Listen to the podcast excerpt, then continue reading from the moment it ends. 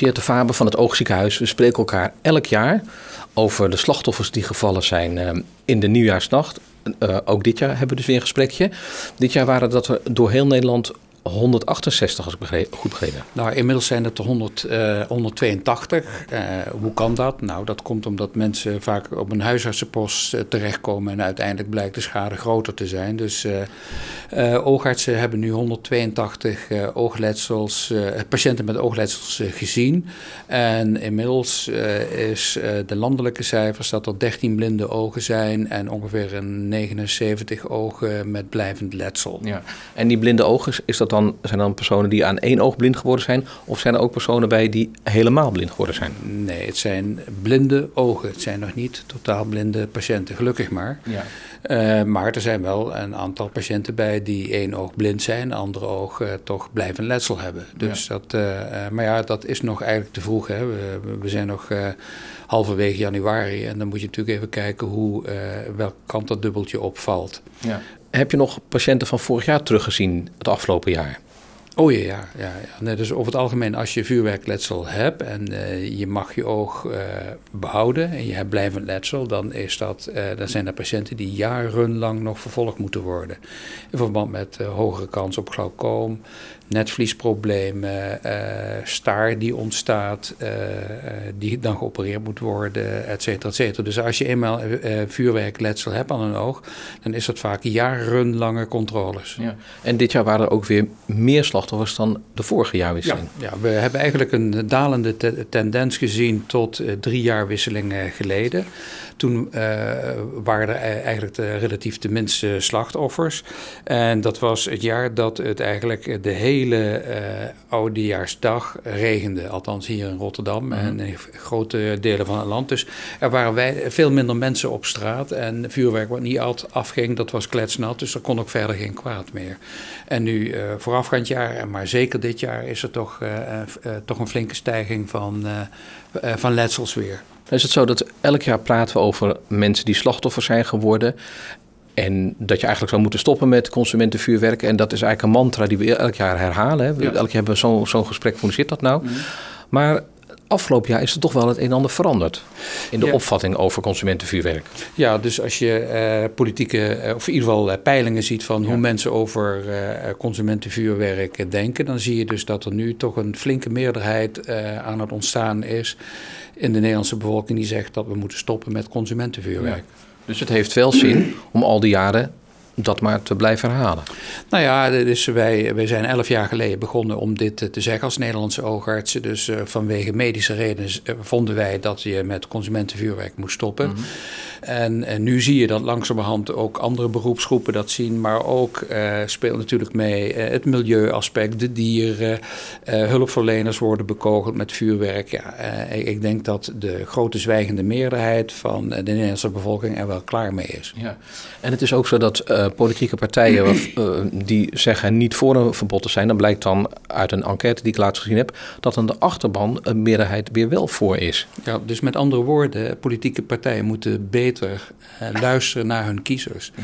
En dat is eigenlijk ook het hele, het, het, hele probleem. Het, het, het, punt is, ik heb wel eens in de Tweede Kamer in zo'n commissie vuurwerkfoto's laten zien hè, van mm -hmm. letsels. Ja. En wat je dan zag van 9 van de 10 politici, die keken naar die foto's, die draaiden die foto's om en schoven ze weg. Ja. En daar heb ik ze toen wel op aangesproken. Want het, het, het is een beetje wegkijken. En wat je dan zag is dat, nou dan had je weer zo'n dramatische nieuwjaars nacht meegemaakt. Ja. En dan, weet je, tegen uh, 6, 7, 8 januari waren de kruiddampen opgetrokken. Politici kwamen van hun reces terug. En dan werd er weer doorgehobbeld tot je in december weer de discussie kreeg van... nou ja, nee, nee, we moeten vooral doorgaan met deze traditie. Ja, ja.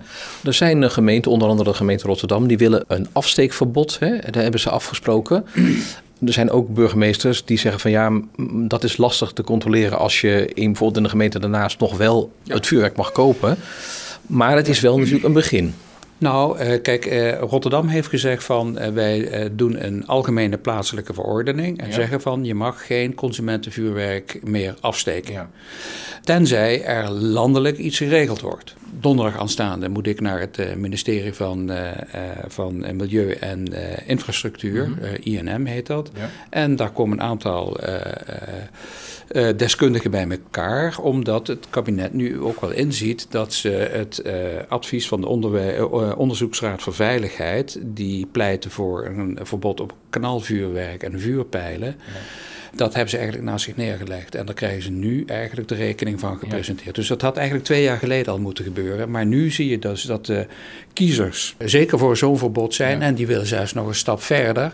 Wij ook. Dus als uh, de uh, landelijke regering zegt er mogen geen uh, vuurpijlen en knalvuurwerk meer mhm. verkocht worden, dan zal uh, Rotterdam zich daaraan aanpassen. En dan zal siervuurwerk nog steeds uh, mogen. Ja. Algemeen plaatselijke verordening wil zeggen, uh, je mag het wel kopen, je mag het verkopen, mhm. maar je mag het niet afsteken. Ja, dat is natuurlijk een stuk moeilijker te handhaven. En wat ook lastig is natuurlijk, is um, om bepaald vuurwerk wel of niet te verbieden.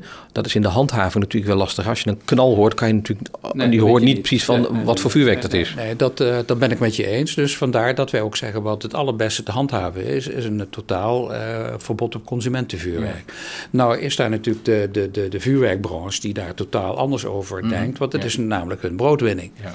En eh, ik denk dat die ook wel eh, de nodige lobby in het werk zal stellen om zoveel mogelijk vuurwerk nog te mogen verkopen. Ja, dat, ja, dat is een boterham. Alleen, nou, velen met mij zeggen van nee, het moet maar afgelopen zijn. En een ruil daarvoor gewoon een prachtig, professioneel consumenten en, en uh, professionele vuurwerkshow. Waar geen uh, gewonden bij vallen, zoals het in vele andere landen ook is. Ja, en, en misschien dat die vuurwerkverkopers dan weer daar hun vuurwerk aan zouden kunnen verkopen op de een of andere manier. Nou ja, dat is natuurlijk uh, een hele goede mogelijkheid. maar ja, zo'n kleine ondernemer die wil zijn handeltje beschermen. Snap ik, maar ik ben het er niet mee eens. Nee, nee. waarschijnlijk ben je ook tegen de verkoop van sigaretten. Uh, ja, ja, uh, inderdaad. Dus mijn vader is aan longkanker overleden. En, uh, en hij heeft mij altijd gewaarschuwd: jongen, begin er nooit aan. Want je, je, raakt er nooit meer vanaf.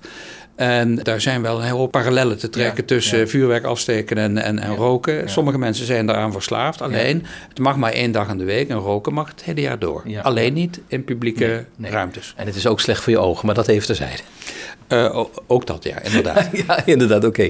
Nou is het zo dat het, het verandert allemaal wel, hè, die publieke opinie, de politieke mhm. opinie, dat, dat gaat allemaal schuiven. Maar eh, er moet ergens een zetje komen dat het ja, over de rand geduurd wordt. Hè?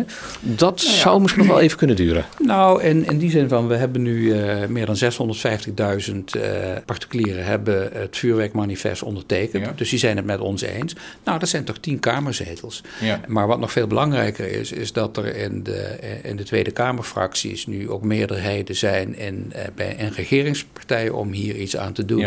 Het ligt nu bovenop de politieke agenda. En zover uh, heb ik uh, het in jaren nog niet zien komen. Nee, nee. Tot slot, maar volgend jaar zit je toch weer in de nieuwjaarsnacht in het ziekenhuis? Nou, afhankelijk van welke, welke wetsveranderingen er komen, ja. dan zullen wij nog steeds vuurwerkletsels zien. Als alleen siervuurwerk nog door consumenten afgestoken mag worden scheelt dat ongeveer een 45% slachtoffers. Maar die andere 55% die zullen we toch moeten behandelen. Ik kan net zeggen, dat, uh, je, je, blijft natuurlijk medicus.